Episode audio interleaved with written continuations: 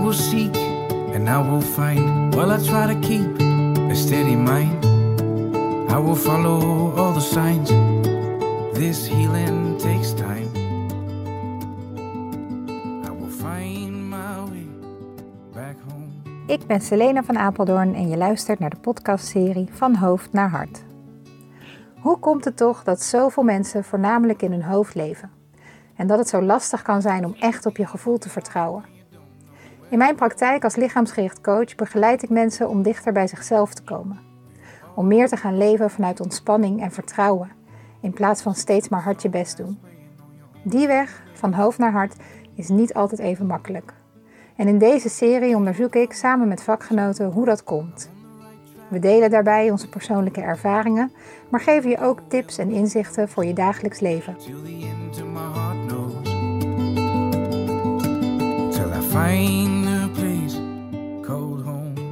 Vandaag ben ik bij Tessa Hart, lichaamsgericht coach, psycholoog en ook eigenaar van de opleiding De Psychologie van het Lichaam. Tessa, wat leuk dat ik hier eh, bij je mag zijn vandaag. Ja, dankjewel. Dank voor je uitnodiging, Selena. Hartstikke leuk. Ja, graag gedaan. En ehm, om maar gelijk met de, de deur in huis te vallen, hè, herken jij iets in die beschrijving van een wandelend hoofd zijn? de titel van deze, van deze podcastserie. Een wandelend hoofd zijn, dat her- herken ik zeker. Want heel leuk toen je me vroeg voor de podcast, dan eh, merk ik al na de aanloop van deze dagen zo van eh, dat we dit gaan opnemen. Dat dan direct mijn hoofd aangaat. Dus dat is het eerste wat, waarmee ik controle denk te houden. Dus ik herken heel erg dat ik dan eerst ga nadenken. En ook denk ik moet dingen gaan lezen. En dat ik denk, denk dat ik dingen moet weten. En dan gaandeweg dan eh, kan ik weer ontspannen. En dan denk ik we gaan gewoon een mooi gesprek hebben. En dan eh, ontstaat het vanzelf. Dus ik herken heel erg dat mijn hoofd, dat is heel lang mijn vertrouwens, eh, mijn plek geweest waar ik van ik, waarvan ik op aankom. En ehm, ja, universiteit gedaan. Mijn ouders werken allebei op de universiteit. Dus ik kom echt uit een hoofdbolwerk, om het maar zo te zeggen. Dus ehm, ik ken, herken zeker heel erg een wandelend hoofd zijn. Een heel vol hoofd hebben. En ook als ik spanning heb, kreeg ik vroeger heel erg hoofdpijn. Was het gewoon standaard. Dat ik elke maand wel hoofdpijn had. Rond een Oh bepaalde tijd van, het, van de maand. Maar ook eh, als ik gewoon te druk was. Dat mijn hoofd gewoon te vol was. Hm. En eh, dat het overloopt letterlijk. En de gedachten maar rondgaan. Dat herken ik, had ik vroeger heel veel. Gelukkig nu steeds minder. Ik denk dat het heel herkenbaar is voor Ja. heel veel mensen. Dat druk hoofd, dat hoor ik ook wel heel vaak eh, Ja, in de praktijk. Ja, leuk. Leuk dat je dat ook zegt, want ook in die aanloop naar deze podcast, hè, dat is ook mijn eerste to-go-to. eh, het hoofd ging ook aan en dat ik de vragen goed moest voorbereiden. En me goed in jou moest eh, verdiepen en je cv drie keer doorlezen. Hè, en dat soort... kon ik ook, inmiddels kan ik dat inderdaad loslaten en, en gaat het gewoon ontstaan. Hè. Dat is ook wel heel mooi om in die ontspanning te kunnen komen. Ehm, maar ja, ik bluur gelijk even voort op wat je net zei. Van, hè, ik kom ook wel uit een hoofdachtergrond. Hè, ouders die eh, universitair zijn opgeleid. Ehm, ja. Dat is een, een, een mooi opstapje naar mijn volgende vraag. Want die is namelijk eigenlijk, hoe denk jij dat iemand een, een wandelend hoofd wordt? En hoe is dat voor jou, eh, denk je, zo ontstaan? Wil je daar iets over vertellen? Ja, mooie vraag. Ehm, wat dan gelijk bij me oppopt is dat ik ook voel van ja, het, het leven is nu zo snel. Hè? De samenleving is gewoon zo snel. Dus om mee te kunnen doen in de mainstream van de samenleving hebben we heel veel hoofd nodig. Het hoofd kan heel snel dingen verwerken. En gedachten zijn zo vluchtig, voor je het weet heb je al iets gedacht. En eh, dus om aan te stellen, we zijn toch allemaal sociale, sociale dieren. We zijn natuurlijk di- dieren en eh, we willen erbij horen en willen meedoen. En we krijgen het aangeleerd. Dus daarom denk ik dat we ook steeds meer in dat hoofd komen. Door de maatschappij. Door de maatschappij, ja, door de snelheid, door al die prikkels. Er komt zoveel op je Mhm. af. En ehm, terwijl we natuurlijk met ons hele lichaam eigenlijk alles ervaren. En Mhm. het is heerlijk als je dat ook mag doen. Hè? Dat je hoofd onderdeel is van dat hele lijf. Het hele lichaam mee kan doen. Maar we worden eigenlijk veel meer aangesproken op ons hoofd. En helemaal nu, de afgelopen coronajaren, dan eh, zitten we allemaal heel veel voor het scherm. Met je hoofd voor het scherm. Dat eh, zorgt ook al veel hoofd. En ehm, in taal, er wordt heel veel taal gebruikt die het hoofd aanspreekt. Dus heel veel mensen zijn natuurlijk beelddenkers, dus ook dat gebeurt al. Ja, en, en hoe kijk jij dan naar, want wat mij opvalt, je hebt zelf ook kinderen, ik ben ook Ja. eh, eh, moeder.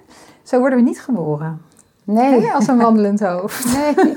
Dus iedereen die een als baby een wel eens- ademende buik. Dat bedoel ik. Hè, dus iedereen die wel eens een baby heel goed heeft bekeken Ja. of vastgehouden, dan dat, dat hele lichaam doet gewoon mee. Hè, we zijn helemaal aanwezig in dat lijfje. En dan gebeurt er ergens iets. en misschien is het ook niet één ding, maar is het een heel pakket van hè, eh, omstandigheden. eh, waardoor toch wel heel veel mensen eh, in dat hoofd gaan zitten. Ja, Ehm, en ik denk zeker dat de maatschappij en wat daar gevraagd wordt, ik zie het nu ook bij de kinderen op school, hè, er wordt ook veel cognitief denken Ja. gestimuleerd. Maar in mijn ervaring, en dat is zowel mijn persoonlijke ervaring als ook in de praktijk, is ook het nest waar je uitkomt daarin ook wel relevant. Dus als je ouders heel erg gevoelsmensen zijn, eh, eh, doeners, eh, dan is dat Ja. anders dan dat je ouders ook gewend zijn om heel erg vanuit die ratio te leven en, en ja, jou ook op te voeden. ja. Dus, dus herken je die? ook ja wel? die herken ik zeker van persoonlijk natuurlijk ook. Van, Hmm. En ik vond het wel mooi, want ik las ook jou, een stukje over jou op je website. En daar herkende ik ook veel in. Dus ik heb een hele goede jeugd gehad en ontzettend lieve ouder, ouders. En, ehm, maar inderdaad ook heel rationeel. Dus heel erg vanuit Mm. het denken en dat met denken dingen oplossen. En het voelen deed niet zo mee. En Mm. ook nog niet zo goed. Ja, dus het meekrijgen, hoe ga je eigenlijk om met gevoel? En hoe Mhm. contain je jezelf? Dat, Mm. dat heb ik niet meegekregen vanuit mezelf. En eh, dus inderdaad ook dus, dus natuurlijk schoolprestaties en eh, ja, mensen die zelf op de universiteit werken, dus heel erg gewend zijn om ook met hun hoofd alle, ja, de wereld tegemoet te treden, zomaar zo, zo te zeggen. Mhm. Dus dat hoofd is gewoon heel belangrijk. Dus ik herken dat zeker, dat ik dat heel erg heb meegekregen. En dat het, het voelen, ja, veel, dat was er wel. Alleen daar werd gewoon geen aandacht aan besteed. Nee. Hè? Of daar werd overheen gegaan. En, eh, Daar ging jij overheen. eh, ja, en zij gingen er overheen. En, Mhm. eh, en daardoor ben ik er ook overheen Ja. gegaan. Dus mijn hart heeft zich veel later weer geopend. Dat is natuurlijk het, ge- het gebied van het voelen. En waarmee we Ja. gewaar kunnen zijn van wat echt belangrijk is. Maar dat heb ik vanuit huis minder meegekregen. Hmm. Ja, en dan is dat ook normaal. Hè? Tenminste, Ja. dat heb ik zelf ook heel erg zo ervaren. Dus je weet ook niet anders. Hè? Dus dat is dan ook in eerste instantie hoe je in het leven staat en hoe je de wereld tegemoet treedt. Ja. En wat was dan, kan je, voor zover je dat nog eh, kan herinneren, hè? maar wanneer was er dan bij jou dat omslagmoment? Of wanneer kwam er iets van een inzicht van, oh maar wacht eventjes, ik, hè, er is ook meer te voelen eh, in mij Dan, eh, ja, dan dat wandelende hoofd. ja. ja, en ik herken ook wat je schrijft dat ik steeds meer een wandelend hoofd ben geworden. hè. Dat Mm. ik ook, eh, ik danste heel graag als kind. En ik kreeg daar ook altijd leuke feedback op. Dus dat was ik altijd heel verbaasd over. Dus toen zat ik blijkbaar heel goed in mijn lijf als kind, toch wel. En, ehm, en later, toen, hoe langer ik op dansles zat, hoe minder goed ik ook werd. Hoe meer Mm. ik in mijn hoofd erin zat. En niet dat het om goed zijn was, maar dat ik voelde ook dat ik minder in dat lijf ook zat. Nou ja. Dus dat was al in mijn puberteit. En ehm, het omslagpunt dat ik meer in mijn lijf ben gekomen, is dat er zijn altijd momenten waarop je opeens je bewust bent van welke weg je moet gaan. En heel vaak is dat op het moment dat je dat echt met je hele wezen voelt, met je hele lijf. Dat je dat echt in je hele lijf gewaar kunt zijn. Ehm, en ik heb verschillende momenten gehad, maar een heel belangrijk moment was. ehm, ik, denk eigenlijk, nu ik het zo over nadenk, dat het was eigenlijk toen ik, dat ik mijn relatie moest beëindigen. Ik heb een hele lange relatie gehad, al vrij jong ook. Mhm. En ehm, dat er op een gegeven moment een, dieper weten was dat ik alleen was op het dakterras van mijn ouders. En eh, dat er een moment was dat ik voelde van, eh, nee, het is gewoon goed om deze relatie te beëindigen. Of het is Mm. gewoon goed voor mij om, eh, ik hou heel veel van deze persoon, Mhm. Van deze man, maar eh, het is goed om daarmee te stoppen. Toen was ik heel jong nog. Hoe oud was je? Ehm, begin, ik denk eind, nou, begin 20, net 20, 19, zoiets. Dat ik al, eh, was ik al een aantal jaar met hem. Dus daar was echt een moment dat ik voelde van het is, het is goed om meer eh, om, ja, om echt te erkennen wat voel ik nu en wat wil ik nu echt. Mm. En die had je niet bedacht als ik je zo Nee. hoor, maar dat kwam. Net kwam gewoon. Ja, het was echt mooi. toen ik op mezelf was en echt eh, een beetje daar aan het rommelen was. En eh, toen kwam er echt zo'n uit, het kwam echt uit mijn lijf, kwam Mm. dat besef echt op. En, eh, en ik weet ook dat ik toen ook al voelde van er komt ook weer iemand anders. Een soort vertrouwen wat ik echt voelde in mijn buik. Mm. Ja. En dat is dan iets wat je soort van overkomt. Hè? Dat, Ja. dat, gebeurt van binnenuit. ja. Maar wat was, want ik herken wel wat je zegt. Ik heb zelf ook veel van dat Ja. soort momenten, ook al in mijn twintiger jaren. En vaak een Ja. relatie die uitgaat of een baan hè, die toch niet eh, blijkt te Ja. werken. Of hè, van dat soort, dat soort levensbepalende momenten. En dan had ik ook wel zo'n gevoeld inzicht. Hè, op Ja. Maar dan ging ik daarna toch gewoon weer door als dat wandelende hoofd. Als je maar bedoel. Ja. Hè? Want, Ja. want ja, dat was gewoon de modus die ik had geleerd. En totdat er bij mij echt eh, zo'n besef was van... Ja, maar nu wil ik het echt anders. Ja. Hè? En nu, nu is dit iets waar ik echt bewust aandacht aan mag gaan geven... als ik ook wil dat het anders gaat gaan Gaat. vanaf nu. Ja. Ja. Eh, heb je ook zo'n soort herinnering of iets wat je nu te binnen schiet... als ik je dat zo vraag, wat dat voor jou is geweest? Ja, zeker. En volg, ehm, volgens mij sluit dat ook weer aan bij wat ik bij Hmm. jou heb gelezen. Maar het was echt toen ik moeder werd. Hm. Toen was ik dertig. Toen werd ik moeder en onze zoon werd toen geboren. En dat bracht een enorme omslag. Dat moeder zijn al. Ja, wil je daar wat over vertellen? Wat heeft dat dan voor jou gedaan? Nou, dat was echt het moment dat, ehm, ja, dat je echt voelt van het gaat nu voor een groot gedeelte over hem. Dat, hij- dat hij het fijn heeft. En dat je voelt echt dat je zelf op de tweede plaats komt. En, Dat voelde eh, zo? dat voelde ik zo. Ja, voor mij was dat wat ik voelde van het is nu alleen eigenlijk heel belangrijk als eerste dat hij, dat het met hem goed gaat. Mhm. En nu kijk ik daar weer alweer anders naar. Weet ik ook van het is juist heel belangrijk dat je steeds die bedding kan zijn voor die ander. Voor de, zeker voor een kind.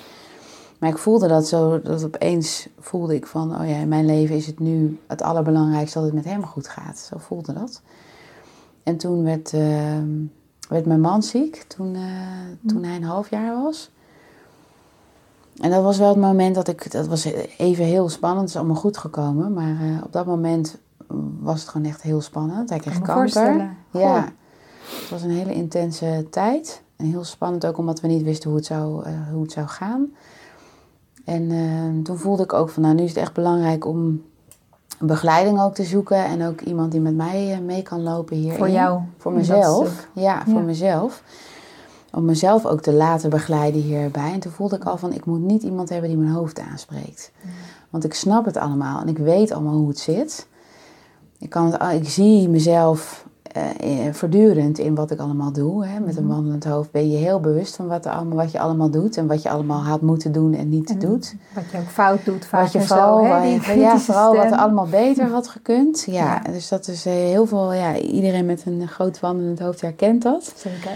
En ehm, dus ik dacht, ik, moet, ik wil iemand die me, kan, die me bij mijn gevoel en bij mijn ervaring kan brengen. Dus toen heb ik een begeleidingstraject gedaan bij een begeleider die me echt heeft laten ervaren van hoe het is om vanuit je lijf te werken. En dat was echt mind-blowing gewoon. Ja. En weet je nog hoe je op zoek bent gegaan? Heb je gewoon iets ingetypt in Google? Of hoe is dat toen? Hoe is dat Hoe ben gegaan? je, ja, hoe ben je zo'n lichaamsgericht werkend iemand eigenlijk hè, op het spoor Tegengekomen. gekomen? Ja. eigenlijk was het via een, eh, een hele goede vriendin en collega. Oh, ja. Ehm, Petra, die kende deze persoon, die kende eh, Maya. Ja, en, ehm, toen, en ik voelde gewoon aan alles, daar moet ik naartoe. En ik voel ook mijn buik nu resoneren als ik dat zeg. Leuk. Ik voelde van daar moet ik naartoe. En ik ging daar naartoe en eh, het, nou, het was mindblowing, zeg maar letterlijk. Dat, dat hoofd werd opgeblazen. We konden ontspannen en eh, er kwam van alles naar boven. Ja. Ja. En, en kun je daar iets over vertellen van wat heeft dat, hoe is dat voor je geweest, dat proces? Hoe heb je dat toen ervaren? Als je dat nog kan terughalen. Ja, Zo nee, lang zeker. geleden inmiddels, denk ik. Want hoe lang is dit geleden? Dit is nou wel een hele lange tijd geleden. Het is wel ruim eh, elf jaar geleden. Ja. Of het is elf jaar geleden bijna. Mhm. Ja. En ehm, nou, in dat hele proces heb ik toen heel veel ontdekt vanuit het, hoe fijn ik het vond om in mijn lichaam te ervaren. En Mhm. ehm, ik deed toen al wel yoga ook. En dat vond ik ook heel fijn. Om meer lichaamsbewustzijn. Eh, en gewoon met het lichaam in je lijf te zijn. En met je mind echt in je lijf te rusten. En wat er dan al omhoog kan komen. Tijdens yoga gebeurt dat ook. Dat je Mm. opeens van heel veel dingen bewust kan worden. Of juist even helemaal niks meer voelt. Maar gewoon in je lichaam bent. En toen is het tijdens dat hele traject wat ik toen gedaan heb, toen heb ik echt gevoeld van ehm, ja, wat voor energie er vrij kan komen als je die plekken in je lijf kunt voelen en kunt voelen wat je daar hebt opgeslagen. En wat er gebeurt als die energie die daar eigenlijk vast zit weer loskomt en in beweging komt. En wat, ehm, ja, en hoe, toen ben ik me echt anders gaan voelen, anders gaan gedragen. En toen heb ik ook gevoeld van hier meer, wil ik meer mee. Dus dat was ook voor mij, Mooi. ja, dat ik echt voelde, dit werkt. Ja, en, en ik probeer altijd om het wat concreter te maken. Want ik snap heel erg wat je zegt en herkenbaar. Hè? En, en, en wat zouden jouw woorden zijn voor die transformatie? Hè? Dus van hoe ben je je dan anders gaan voelen? Hoe ben je Ja. dan anders gaan gedragen? Kan je daar eens wat, wat Ja. woorden voor geven? Nou, ik ben steeds meer in contact gekomen met, mijn- met mijn lichaam eigenlijk. Mhm. dus ik, en ik ben me meer. Ben veel rustiger geworden. Dus veel rustiger tempo. Dat ik veel minder, eh, minder snel praat al. Mijn stem is gewoon echt letterlijk lager geworden. Ehm, dat ik veel meer rust neem. Veel meer momenten neem om te echt te ontspannen. Terwijl daarvoor ging ik altijd door. Dat hoofd ging altijd door en ik ging ook altijd door. Dus ik nam geen ontspanning en geen rust. Om eens gewoon even voor mezelf, tijd voor mezelf. Hm. Om gewoon dingen echt voor mij te doen. Waar ik van genoot en waar ik zin in had. Dus dat is echt allemaal veranderd. En nou, dat is echt buikgebied. Dus echt te voelen van wat wil ik nou eigenlijk? Waar heb ik zin in om te eten? Wat, eh, Dus ook je eigen behoeftes. ja, hè, maar echt mijn voelen. eigen behoeftes voelen Ja. en die echt volgen ook. Mhm. Dat ben ik echt gaan doen. En, ehm, En wat heeft dat en veel meer naar mijn innerlijke stem gaan luisteren ook. Dat, dat merk ik ook heel erg. Dat ik, eh, het heeft me opgeleverd dat ik veel meer nee ben gaan zeggen. Dus veel meer Hm. dingen niet ben gaan doen. En ehm, dat ik ook veel meer dingen heb laten gebeuren. In plaats van dat ik het gevoel heb dat ik overal maar grip op moet houden. Hè? Van het, Mhm. of controle moet houden, maar dat je het veel meer kan laten gebeuren. En eh, je kan laten leiden door signalen die op je afkomen. Gewoon leuke dingen. Iemand, eh, dat je voelt van... eh, op een gegeven moment zag ik een, een e-mail van een, een bijeenkomst waar ik eh, systemisch werk, waar ik naartoe, van een opleiding die ik had gedaan. En toen voelde ik van, oh, daar moet ik heen. Ja. En ik voelde dat had ik nodig om te beseffen, ik ga een andere kant op. Weet je, ik, moet, eh, ik, ik ga een andere, eh, andere richting op qua werk. Ja, dus ook dat stukje. Ja. Hè, Het, het voelen van wat je eigenlijk echt wil. Op alle Ja. gebieden, ook op werkgebied. Ja, Dichter bij jezelf. ja dichter bij jezelf. Grenzen heeft ook mee te maken. Ja, Ja, mooi. je behoeften voelen, grenzen voelen. Ja, al die aspecten echt. Ja. En nu heb je er zelf je werk van gemaakt. Ja, Om daar ook andere mensen hè, in, te, in te begeleiden. ja. Hoe ben je tot die beslissing gekomen? Ja, dat is, eigenlijk had ik dat helemaal niet bedacht, maar is het gewoon ontstaan. Ik werkte toen bij, ik werkte eerst bij de politie. Ik heb op de universiteit gewerkt, is echt het bolwerk van het hoofd, van denken. Dat kende ik natuurlijk heel goed vanuit mijn achtergrond ook, vanuit mijn ouders. En ik voelde ook daar dat ik dacht van ja, dit is niet waar het me echt om gaat. Dit is zo alleen maar het hoofd en ik voelde er is meer. Er was een moment dat ik dat voelde. Toen ik bij de politie heb gewerkt, ja, het zijn echt mensen die heel erg sterk in hun buik moeten zijn en instinctief moeten kunnen reageren. En handelen ook, En denk ik zo. handelen, ja, Mhm. direct kunnen handelen en naar Ja. voren kunnen stappen. En ehm, toen op een gegeven moment kwam ik bij, heb ik Anne- Annette van Laar ont- ontmoet. En ik had al een coachopleiding gedaan met meer lichaamsgericht werk en meer systemisch werk. En, ehm, nou, en dan voelde ik gewoon, daar moet ik zijn. Dat was een Mhm. moment dat ik dat voelde. En ehm, na haar opleiding de psychologie van het lichaam, zij heeft die eh, ontwikkeld. Mhm. En een hele mooie mix gemaakt van allerlei verschillende richtingen, filosofieën en eh, bewegingsmethodieken. En ehm, Kun je daar heel kort iets over vertellen, over de opleiding? Voor de mensen die nu luisteren, die hem niet Ja. kennen. Hè? Ik Ja. heb hem ook gekregen op mijn opleiding. Dus ik, ja. ja, opleiding in Ja. psychologie van het lichaam. Ja, die ehm, is echt gebaseerd op de lichaamssegmenten. Dus die Mhm. energiecentra en het lichaam.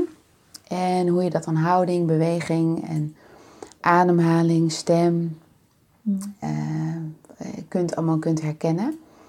Dus hoe iemand in de centra zit en waar iemand heen gaat als het spannend wordt. Bijvoorbeeld naar het hoofd, wat we zo goed kennen. En waar nog de potentie zit in het lichaam dat ontwikkeld wil worden. En er zit ook heel veel TCM in, dus de traditionele Chinese geneeswijze. Ayurveda zit erin. En heel veel uit de Qigong. Dus er zitten heel veel fysieke energetische series ook in om goed in je lichaam te komen. Mhm. Ja, en eh, die opleiding heb ik zelf gedaan en ik vond het, vond het heerlijk. Het was echt, het was nog meer thuiskomen. Gewoon. En vooral omdat het zo fysiek energetisch is, dat ik echt helemaal in mijn lijf zakte. Uit het hoofd, in Uit lijf. het hoofd, in het lijf, Ja. zakken en voelen. Mooi. En toen voelde ik ook van, je hoeft dus helemaal niet hard te werken om te voelen wat klopt en wat past. En, en dat is fantastisch. En dat vind ik ook heerlijk om als, ehm, in mijn praktijk ook zo te werken. Als je zelf in je lichaam bent als begeleider en heel ontspannen in jezelf bent en bij jezelf bent, dan hoef je eigenlijk helemaal niet veel te doen. Maar dan ben je samen met de ander in het onderzoek. En kun je ehm, door te voelen in je eigen lijf en ook mee te voelen met de ander en daar dingen over terug te geven en iemand uit te nodigen om te voelen in zijn lijf, ontstaat eigenlijk een zoektocht waarbij de ander eigenlijk de antwoorden heeft en kan voelen wat is voor mij kloppend en wat past voor mij. En dat is gewoon een heerlijk proces. Dan is het heel ontspannen Ja. en tegelijkertijd eh, precies tot de kern kunnen komen. En in plaats van door heel hard je best te doen en zelf heel hard te gaan werken en het heel goed Ja, te willen doen. Heel goed en te moeten die- doen, het allemaal te het moeten weten. allemaal, eh, Ja. ja, waar het hoofd allemaal toe aanstuurt vaak. Ja, precies. En het te mag ontstaan. weten. Ja, dat het mag In zijn, ontstaan. hè? Ja, echt in zijn, ja. Ja, herken ik natuurlijk helemaal. Ja, ja wat, wat herken Mooi jij dat- eh, daarin van hoe jij werkt? Ja, precies wat je zegt, dat ik mijn lichaam ook gebruik als instrument. Hè, in het begeleiden van mensen. En ehm, eh, eh, dat ik ook zelf zie bij cliënten wat er gebeurt. Vind ik zo mooi. Ik had gisteren nog iemand in de praktijk hè, die, die, eh, ja, die ik toch ook echt wel toen ze bij mij kwam, het labeltje wandelend hoofd kloppend zou zijn. Dan zou ze zelf ook zo absoluut zo herkennen en onderschrijven. En in het hele traject hebben we zo eh, gewerkt aan meer dat lichaamsbewustzijn. En zakken en in het lichaam komen. Eh, en, en hoe dat hoofd er dan elke keer weer tussen schiet. Ja. Dat weet ik van, kan ik van mezelf ook. Hè? Dus dan zak je en dan wordt het toch spannend. Hè? Of dan wordt er weer een diepere laag geraakt. En dan, voordat je het weet, gaat het hoofd weer aan. En, en komt het met een, hè, een ding ertussen. En gisteren zakte ze en had ze op het kwartje viel, zeg maar, maar gevoeld. Ja, En zonder dat zij hard aan het werk was, zonder dat ik hard aan het werk was, maar doordat we ja, aanwezig waren in ons lijf, in de ruimte. Hè, en toen kon dat ontstaan. En dat is echt, ja, dat zijn de momenten waar ik het voor doe. ja. Dus, ja, dat herken Ja. ik helemaal. Ja. Dat zijn echt de momenten dat Ja. iemand zelf het voelt. En dat is ook zo mooi wat jij zegt. Dat herken ik heel erg. Mm. Van momenten in de ervaring, als mensen het voelen. Je kan iets weten, maar het is iets anders als je het ook kunt doorvoelen. gevoeld inzicht. Ja, dat je het echt... wat jij net zei ook, dat hoor ik ook heel erg. Hey, ik snap het allemaal prima. Dat hoor ik heel veel. Ja. Het is niet... Ja. En ik weet het van mezelf. En, en, nou ja, en dan gaat ook die kritische stem vaak komt daarbij. Van als ik het weet, waarom doe ik het dan niet anders? Of waarom voel ik het dan toch nog zo? Of Ja. op het moment dat, dat je echt zakt en dat je vanuit het lichaam eh, ja, die gevoelservaring hebt. En ik hoop niet dat we niet te zweverig worden voor de luisteraars. Maar Ja, hè, eh, eh, dat, je, dat je hem echt voelt. ja En dat is eigenlijk vanaf voelen. dan, ik zei ook tegen haar van, en nu kan je nooit meer terug. Dit pakt niemand je meer af. Hè, dus op het moment dat je, dat je door die laag heen bent, ja, dan, dan verankert dat ook in je systeem. Ja, en dat is het echt. Op het moment dat je echt in je lijn, en dat is ook zo mooi hoe jij dat ook benoemt, van het gaat erom van via de fysieke ervaring, daardoor kan je het voelen. Dus het is altijd, Ja. een ervaring heeft altijd die componenten, dat fysieke, Ja. het emotionele en het mentale. Mhm. En het moment dat je via het lichaam in je lijf de fysieke sensaties kan voelen en kan Ja. voelen welk gevoel daarbij hoort en welke overtuigingen of wat er ook mentaal aan bij elkaar is. Op het moment dat dat bij elkaar komt, dan kom je in een alchemie. Ja. En dan is inderdaad, wat jij ook benoemt, dan is er echt een transformatie. Dan zie je echt dat het lichaam, zoals wij nu ook diep zuchten, ja, ha, dat je zit, dan komt er een ontspanning vaak, Ja. of er komt heel veel energie vrij. En dan, ehm, ja, dan zie je echt dat een, een gedeelte van het lichaam opeens weer meedoet. Dus ik herken dat inderdaad ook, dat zijn de mooiste momenten. Echt, hè? Ja. Daar doe ik het voor. Ik Ja. denk dat is echt waar ik de voldoening uithaal. Is dat voor jou ook, eh ook Ja, zo? echt. Ja, Ja? Dat vind, en dat vind ik ook in de opleiding is dat ook zo. Ja. Dat, eh, om het niet meer op dat harde werken te hoeven doen en om het allemaal te hoeven Ja. weten en te hoeven snappen. Mhm. Maar om het, het diepere weten zit echt in het lichaam. Het is echt Zeker de lichaamswijsheid. eh, ja. Ja. Dat op het moment dat je daarin kan zakken en dan hoef je ook niet. Dan komt het vanzelf. Hmm. Dan kun je het later komen. En het vertrouwen heerlijk. op dat lijf daarin. Ja. Dus het vertrouwen op die lichaamswijsheid. Ja, mooi. Hey, en ik ben eventjes nieuwsgierig. Herken jij ook dat je, want dat heb ik zelf wel in mijn praktijk, dat je vaak ook cliënten aantrekt eh, die resoneren met je eigen thematiek. En dan vaak wat je al hebt eh, doorlopen. Hè, wat je Dat je al net achter de rug hebt. Ja. Ja, ja heel erg. Ja, gebeurt jou dat ook? Ja. ja. Ja, vertel eens. Dat herken ik ook. Dus ik even nadenken of een, aan een, een, een mooi voorbeeld. Ehm.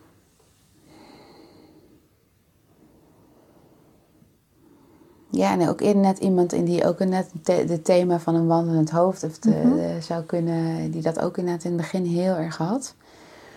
Heel streng voor zichzelf. Dus alles ehm, beredeneren en hoe het beter kan.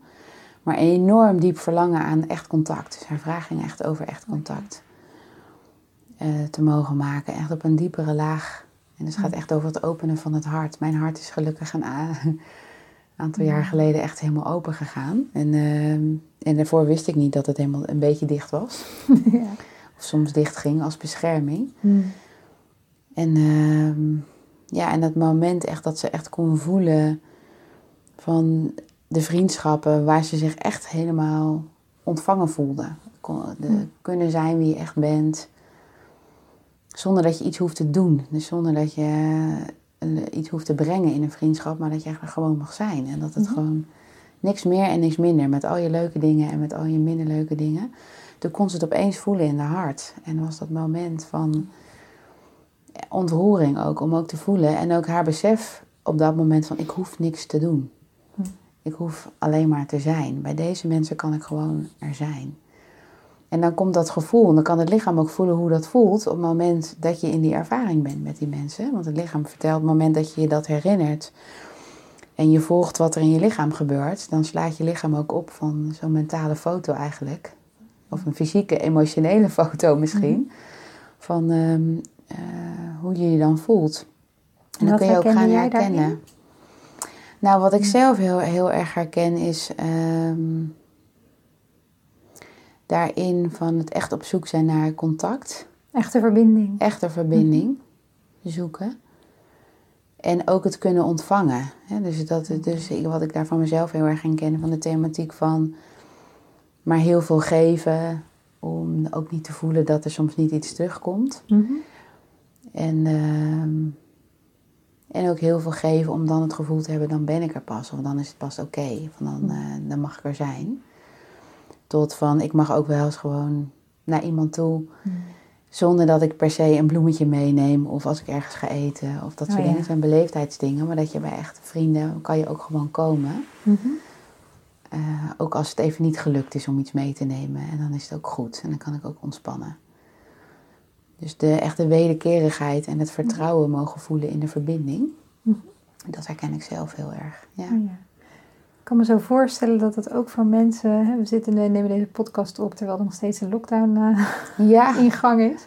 Dus dat echte verbinding ook nog wel eh, eh, extra lastig is of zo hè, in deze periode. Omdat daar, in mijn beleving, als ik jou zo hoor, deel je dat wel met me ook heel erg dat fysieke voor nodig is. Ja. Een groot gemis op dit moment. ja, echt om vastgehouden te worden. Hè? Gewoon, het, gewoon het contact van vastgehouden worden is zo belangrijk. En je De aanraking. aanraking. Ja. en aanraking kan ook wel energetisch, hè? Ja, maar dan toch via een scherm weer, weer moeilijker. ja, Ehm, ja. Het, het, het, eh, het kost meer eh, energie. mhm. Het is iets moeilijker om af te stemmen via een scherm inderdaad. En zeker in deze tijd waarin we natuurlijk allemaal gepruimd worden op anderhalve meter. Ja. Terwijl het zo heerlijk is om elkaar vast te houden. En ik zie gelukkig nog steeds meer mensen die toch knuffelen, maar wel met het hoofd weggedraaid. En Ja. ik denk, we laten ons toch gelukkig... We vinden manieren om elkaar toch gewoon aan te Om raken. toch gewoon op te zoeken. Het is zo wezenlijk. Ja, zo belangrijk. Ja. Om echt te voelen. Hey, en ehm, in sessies gebeurt het vast ook wel eens dat je dus geraakt wordt hè, door iemand. Ja. Omdat eigen thematiek wordt aangeraakt of gewoon omdat je iets heel moois eh, of pijnlijk ziet bij de ander. Ehm, Ja. En hoe ga je daarmee om? Kan je daar iets over vertellen als dat gebeurt, dat soort momenten? Als ik geraakt word, Mhm. Ehm, als het functioneel is, breng ik het in. Dus het is ook vaak een teken op het moment dat ik geraakt word in mijn hart, dat de ander ook in zijn hart is. Dus dat, dat, dan gebruik ik het voor de begeleiding. Om, eh, om dat ook te delen. Maar natuurlijk mijn eigen dingen die aangeraakt worden. ehm, ja, daar ga ik zelf mee aan de slag. Dus ik mediteer erop en ik heb ik supervisie op en eh, intervisie. Om dat gewoon weer, ook weer te delen. En, en mijn eigen dingen weer uit te werken. Zeker als ik merk van, oh, er komt iets omhoog wat ik bijvoorbeeld... eh, wat mij weer, wat mijzelf echt weer raakt in een thema. Dan ga ik ermee aan de slag. Mm. Dat is ook wel weer heel mooi. Dat je leert eigenlijk altijd eh, evenveel van cliënten. of misschien wel meer. Ja, wie moet nou hier wie de factuur sturen? Ja, zo is het wel. Ja, dat, en dat Ja. vind ik ook het mooie, omdat het daardoor Ja. ook heel gelijkwaardig is. Dat vind ik ook het mooie. Hè? Als je Ja. echt vanuit gelijkwaardigheid kan werken. En dan is het wel zo, het is niet de taak van de, van de ander, van de, degene die ik begeleid, om, eh, om mij met mijn thematieken te helpen, uiteraard. Dat is natuurlijk heel helder. Maar ik word, er worden me zoveel dingen weer aangeraakt, waardoor ik mijn eigen proces weer eh, verder kan brengen. Ja, en ik denk dat als je daar dus zo open mee omgaat, ook voor jezelf en naar de ander, dan voelt de ander dat ook. Hè? Dus dat geeft ook Ja. een veiligheid van, oh god, je hebt ook gewoon een mens wat tegenover me zit. Ja? En dat is ook heel Ja, wezenlijk. Ik heb een van mijn eh, opleiders die verwoordde dat zo mooi. En die zei van, nee, natuurlijk zijn de methodieken die je hier leert, eh, eh, zijn belangrijk. Maar 90% van de heling, zeg maar, gaat toch over het contact van mens tot mens. ja, Dat is niet zo'n 90, 10 procent. Dus Als je het in percentages zou moeten uitdrukken. Ja. En dat was voor mij ook wel. Voor dat wandelende hoofd, wat ik toen toch nog voor een groot deel was, gaf dat heel veel rust. Dat ik dacht, oh, ik hoef dus niet die techniek helemaal perfect te beheersen, maar ik moet er vooral zijn. ja. Dat kan ik wel.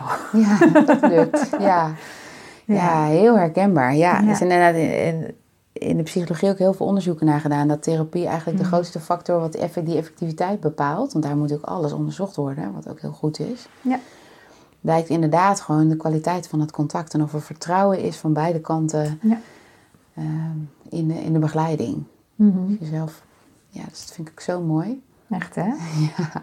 En ook vind ik ook mooi wat jij, wat jij nu zegt over van. eh, dus dat, dat vind ik ook een hele mooie manier van werken, dat er gelijkwaardigheid is. Ja. En ik weet het niet beter dan degene die ik begeleid. Maar ik kan wel de benning maken waarin iemand in veiligheid zijn eigen lichaamssignalen kan onderzoeken. En daar komt dan de informatie uit. En ik kan het af en toe weer in een kader zetten of er dingen.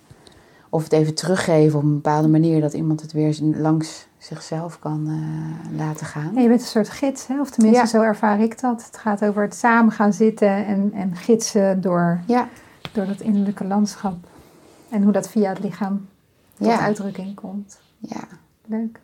Hey, en ehm, mocht er nou iemand luisteren hè, die zich wel herkent in, in dat gegeven van een wandelend hoofd eh, eh, zijn. ja. Eh, en denkt van, goh, ik heb eigenlijk ook inderdaad wel een verlangen om wat meer via mijn lijf of wat meer met, in contact te komen met mijn gevoel. Wat zou dan zo je eerste suggestie zijn? Of heb je een tip voor iemand? Een goede tip, ja. Nou, een, ehm, ja, een, goede tip is altijd als je ik wil meer in contact komen met mezelf. Is bijvoorbeeld gewoon wandelen. En dan wandelen, maar niet vanuit je hoofd, maar vanuit je voeten. Dus ga eens wandelen en voel hoe je voeten op de grond lopen. Hoe je je voeten in je schoenen hebt. Heb je eigenlijk wel lekkere schoenen aan? Nu, op dit moment, kun je nu voelen. Of heb ik die mooie aangedaan die eigenlijk niet helemaal lekker zitten.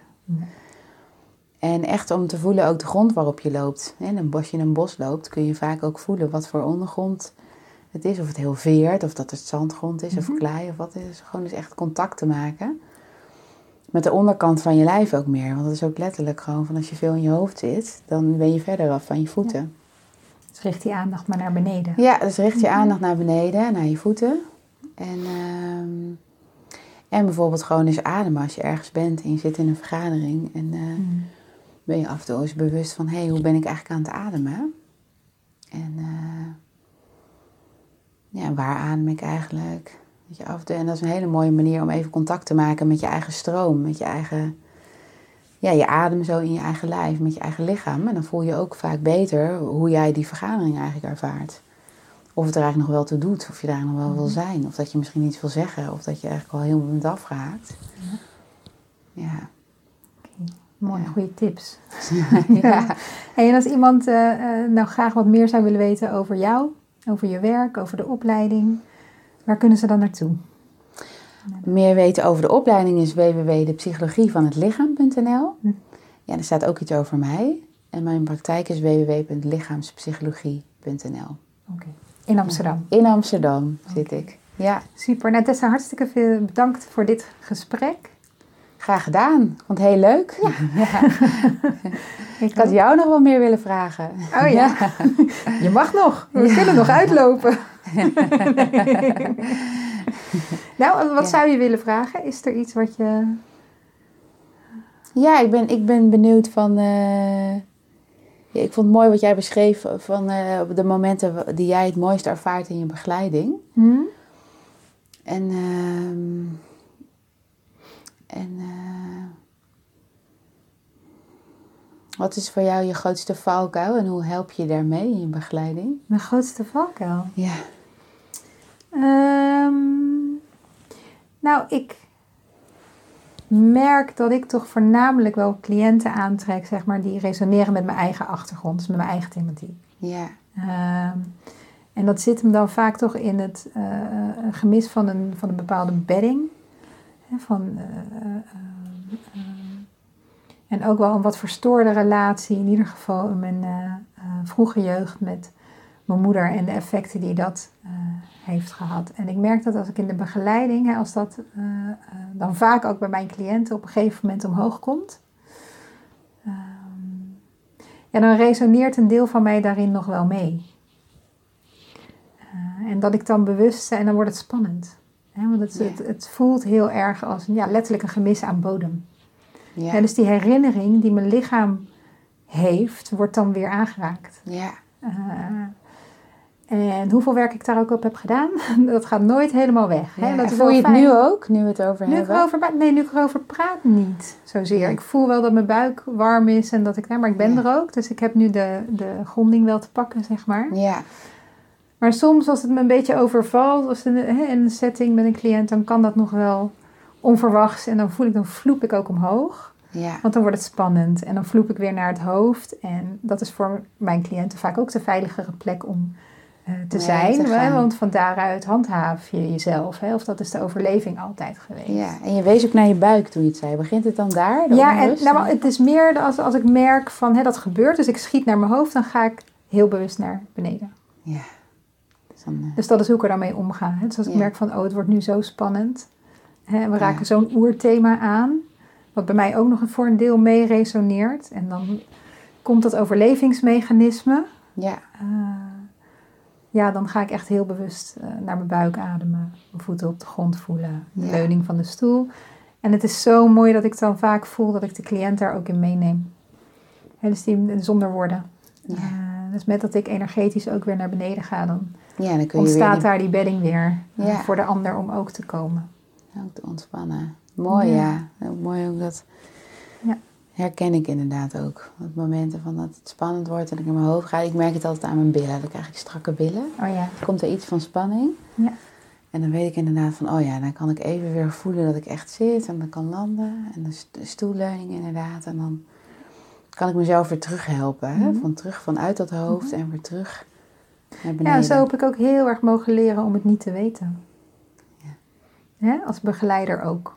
Ja. Uh, want zeker in mijn eerdere jaren als coach vond ik dat ik dan wel, hè, iemand betaalde geld om hier een begeleiding te zijn, dus dan moet ik het ook wel goed doen. Ja. zo moet ik ook wel.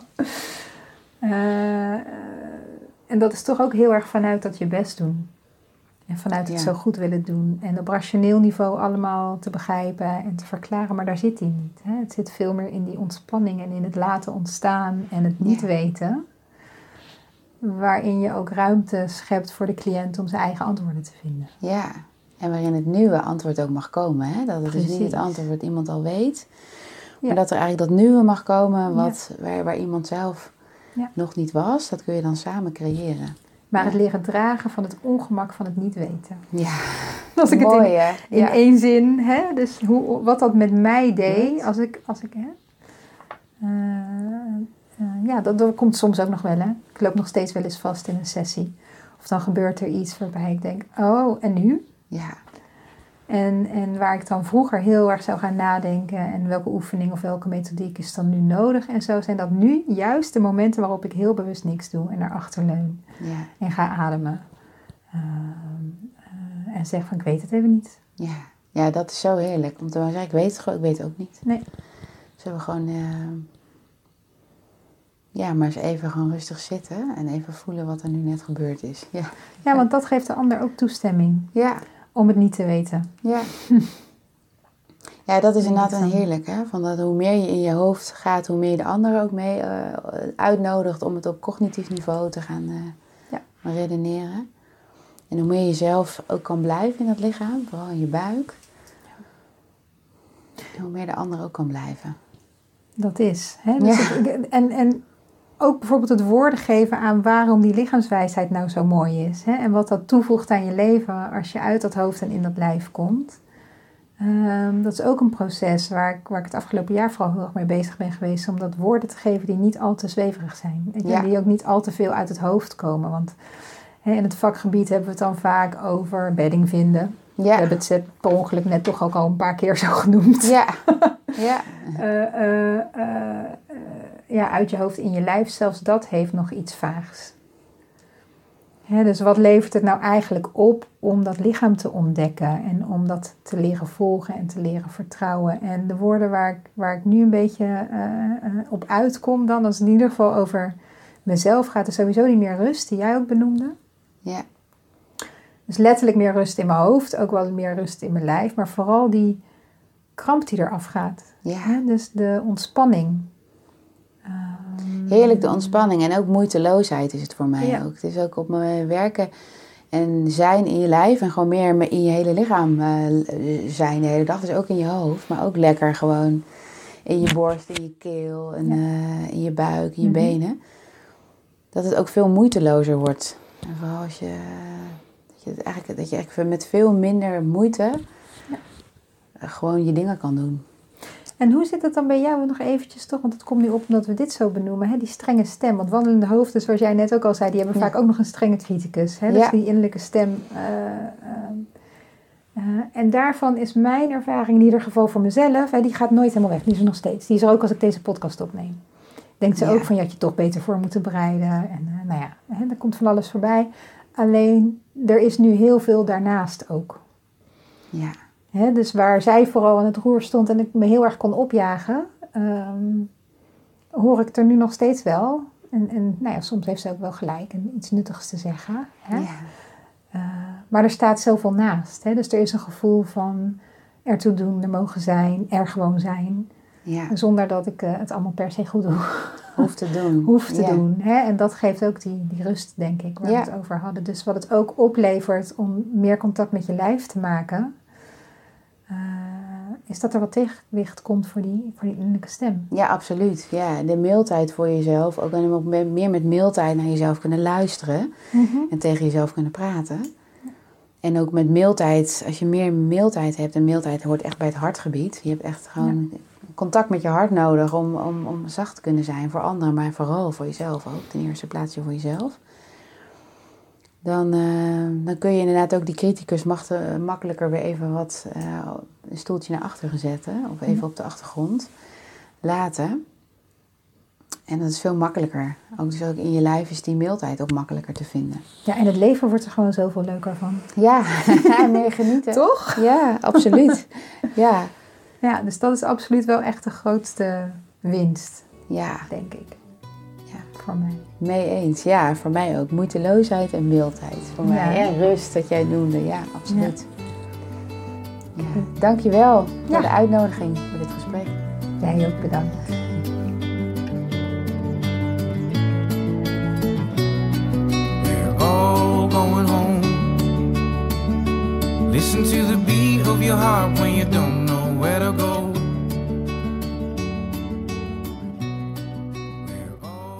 Je luisterde naar de podcastserie Van Hoofd naar Hart. Vond je dit een interessante podcast? Abonneer je dan, zodat je op de hoogte wordt gehouden van nieuwe afleveringen. Wil je meer weten over mij en hoe ik mensen begeleid om meer te leven vanuit contact met hun gevoel? Neem dan even een kijkje op www.selenavanapeldoorn.nl. Bedankt voor het luisteren en graag tot een volgende keer.